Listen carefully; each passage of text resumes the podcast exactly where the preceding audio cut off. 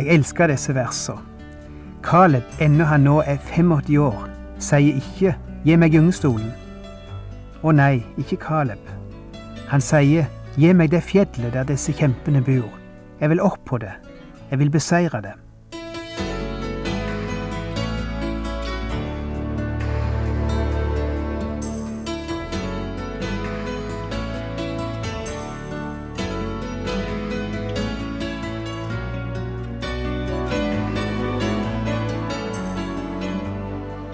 Hjertelig velkommen til et nytt program i serien Vindu mot livet.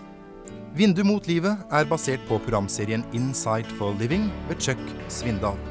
Programmet er produsert av Kristen Riksradio og blir ledet av Ola Bjoland.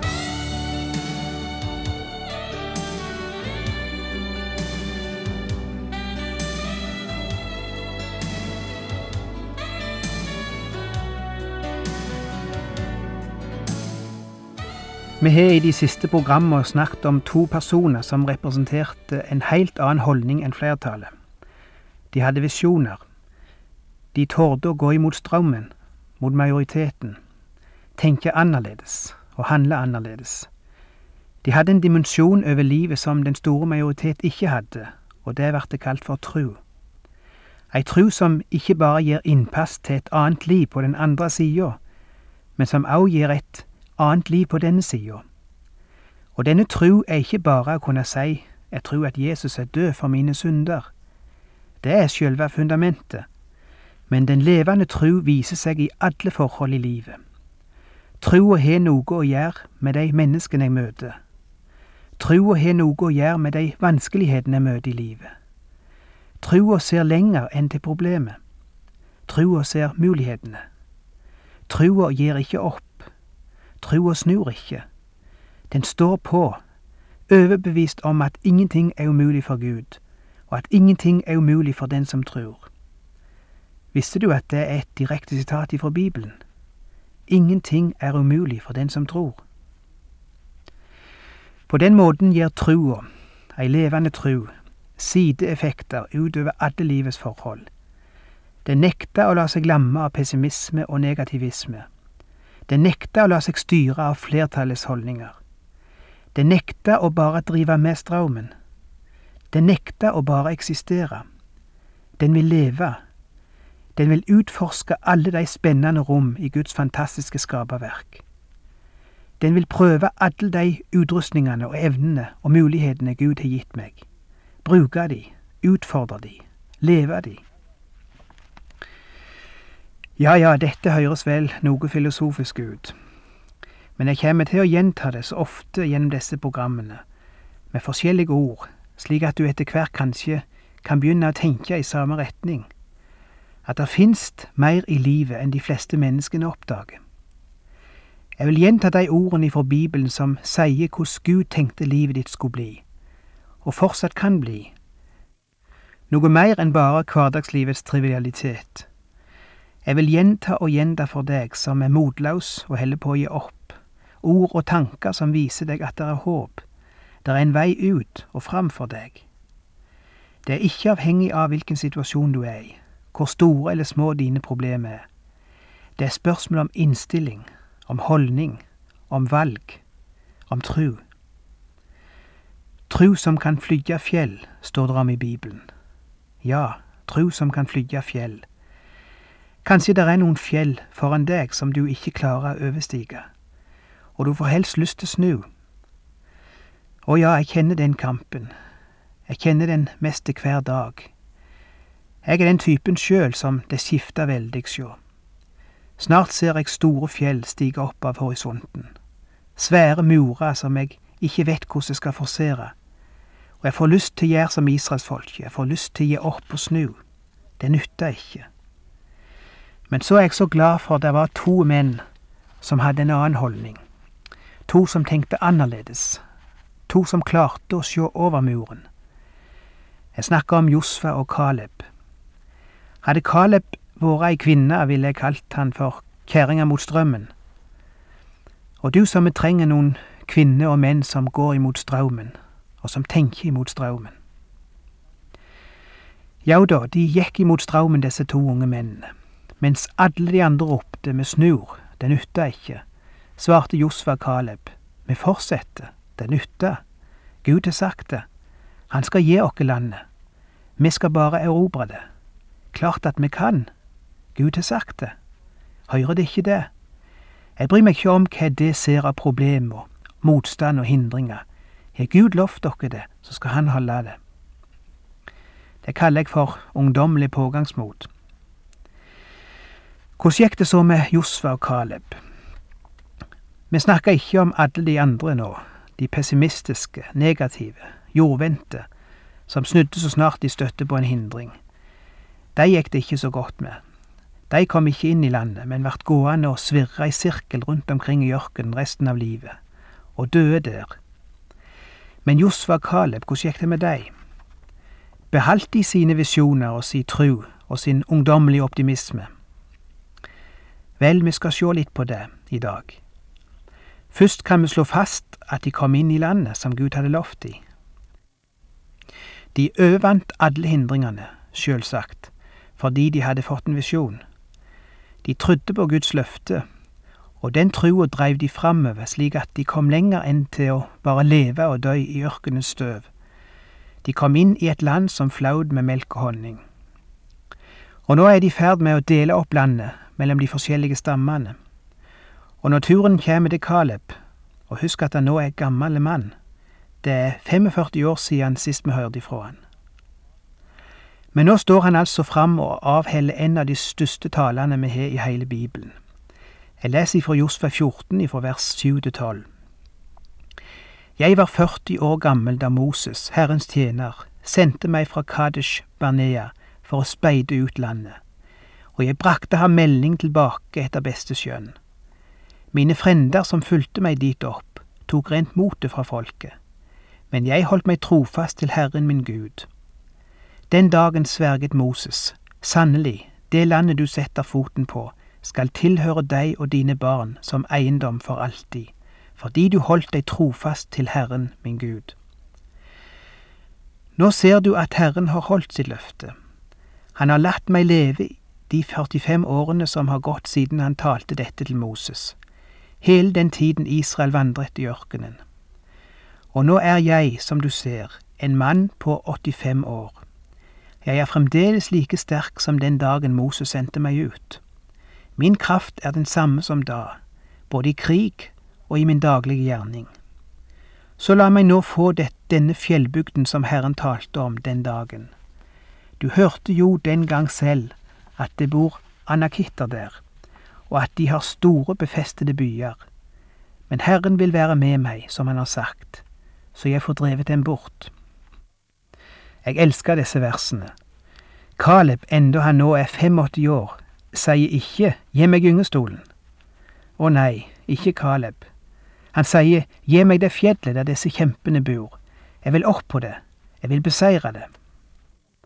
Fremdeles uredd kjempene, hvem de enn måtte være og det siste vi ser til Caleb er at han trasker oppover fjellet, 85 år gammel, bretter opp armene for å nedkjempe motstanden og fienden.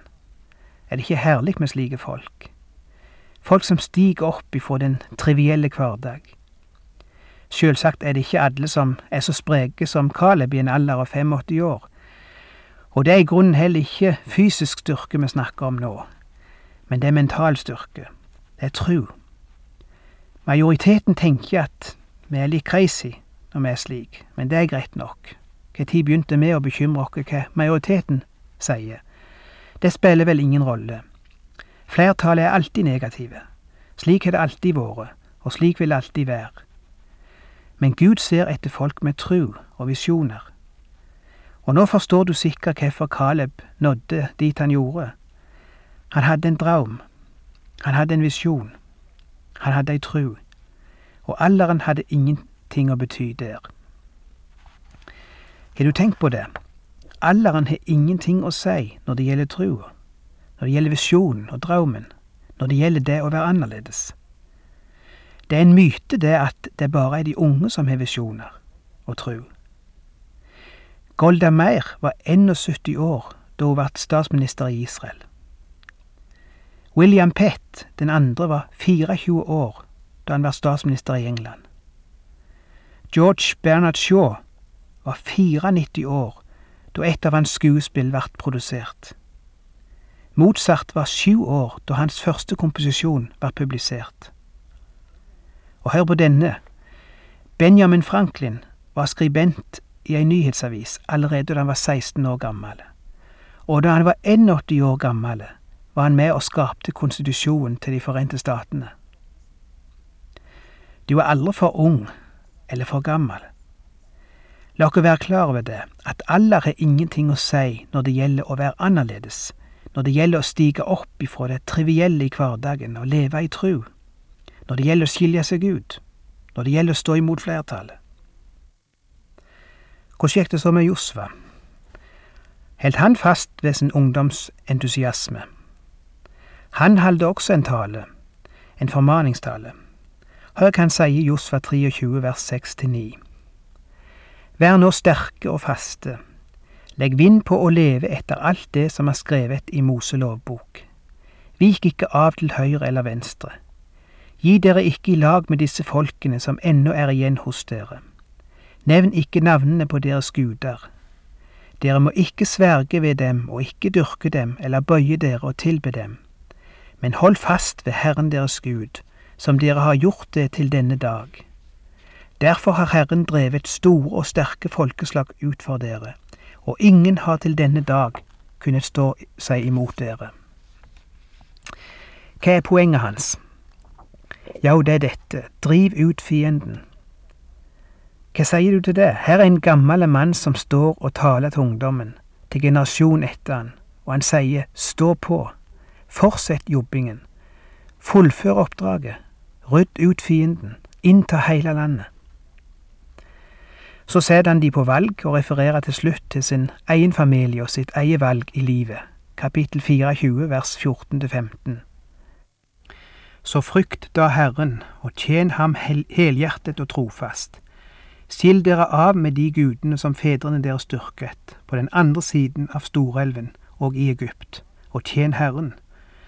Men har dere imot å tjene Herren, så velg i dag hvem dere vil tjene, enten de gudene som fedrene deres styrket bortenfor Storelven, eller gudene til amorittene som hadde det landet dere bor i.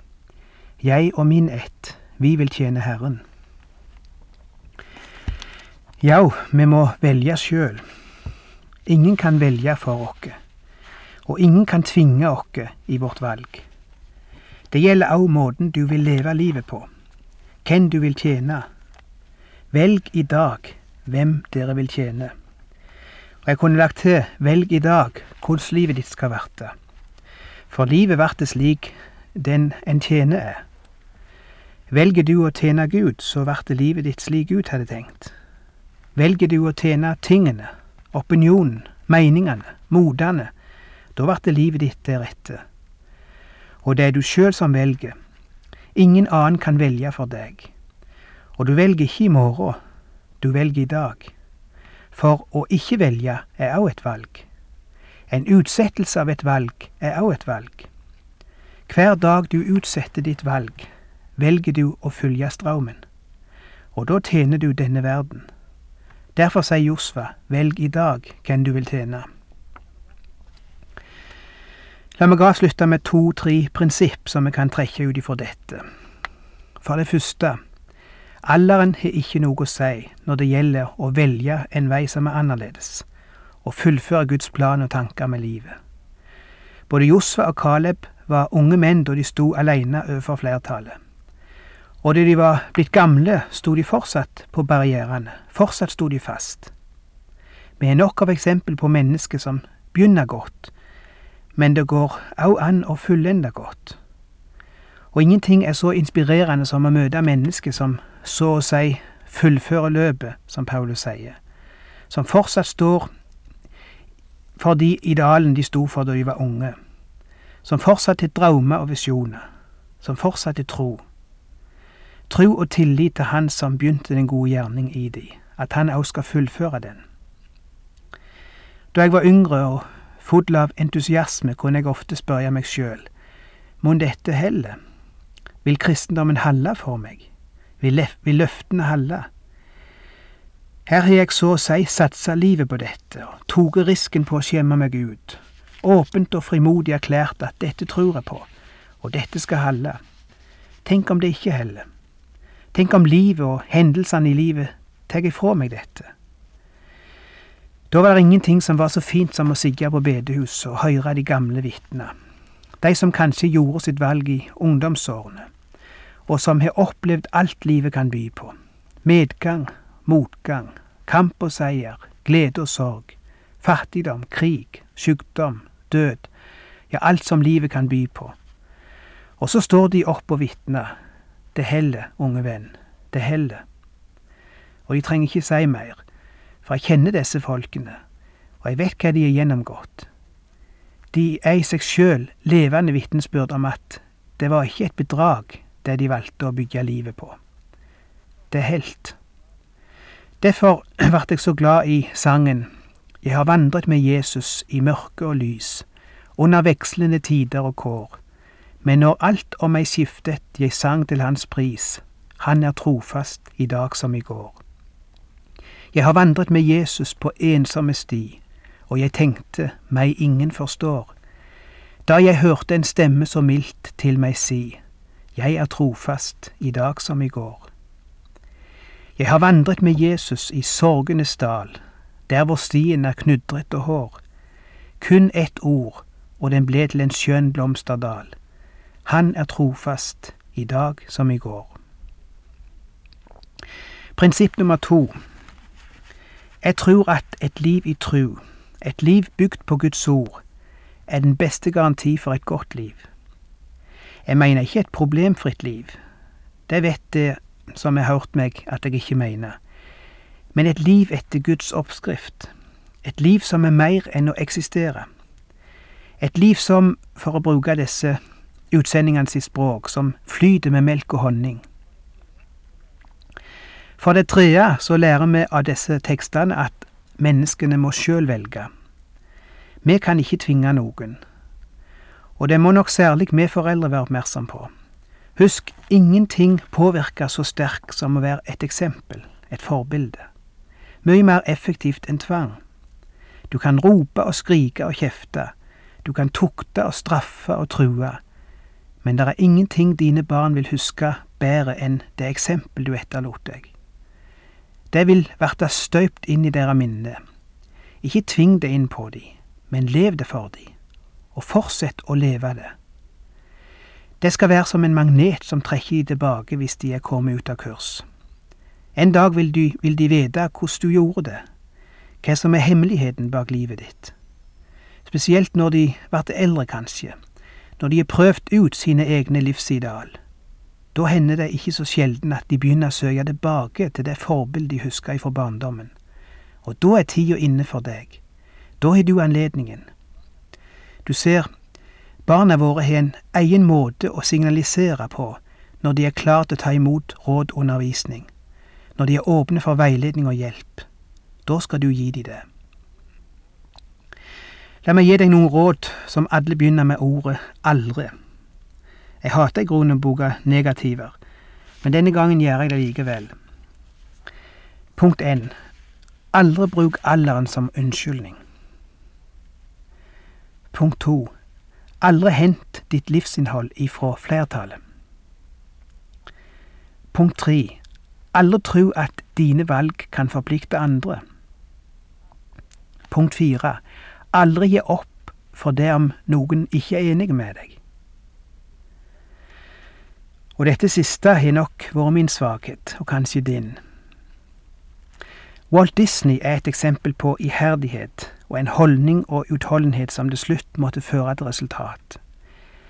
Det var tøffe tider mange ganger, utrolig tøft, men han hadde en visjon, og den slapp han aldri.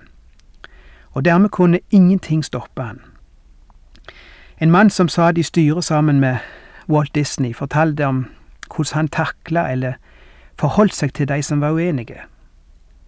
Av og til kunne han komme med tanker og ideer som kunne virke temmelig urealistiske. Og mest uten unntak pleide de andre i styret å reagere med et sukk, med å måpe og svelge og heve øyenbrynene og sjå bort på han med vantro blikk, og de ga selvfølgelig uttrykk for motforestilling. Og det utvikla seg slik at uten at samtlige hadde gitt uttrykk for en skeptisk og negativ reaksjon, så skrinla han planene. Han gikk aldri videre med planen uten at reaksjonen i styret hadde vært negativ hos samtlige. Ja, du hører rett. Utfordringen var ikke stor nok for Walt Disney å kaste bort sin tid og sin kreativitet på uten at styret var enstemmig imot. Da visste Walt Disney at ideen var verdt å si ut i livet. Og dette er faktisk sant. sant. Jeg har det fra en som snakket med en som sjøl satt i dette styret, så det har ikke gått gjennom mer enn ett mellomledd. Disney hadde lært noe om denne verden. Den er pessimistisk i sitt vesen.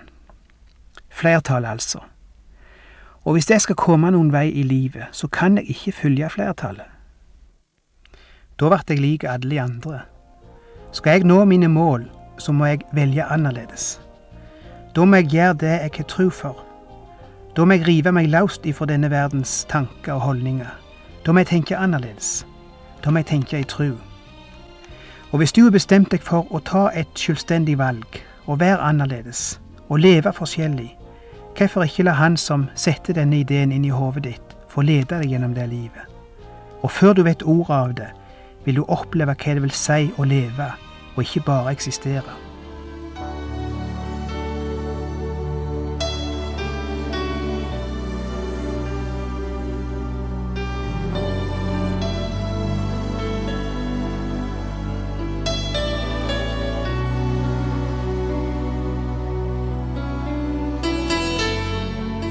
Du har hørt på et program fra serien Vindu mot livet med Ola Bjoland.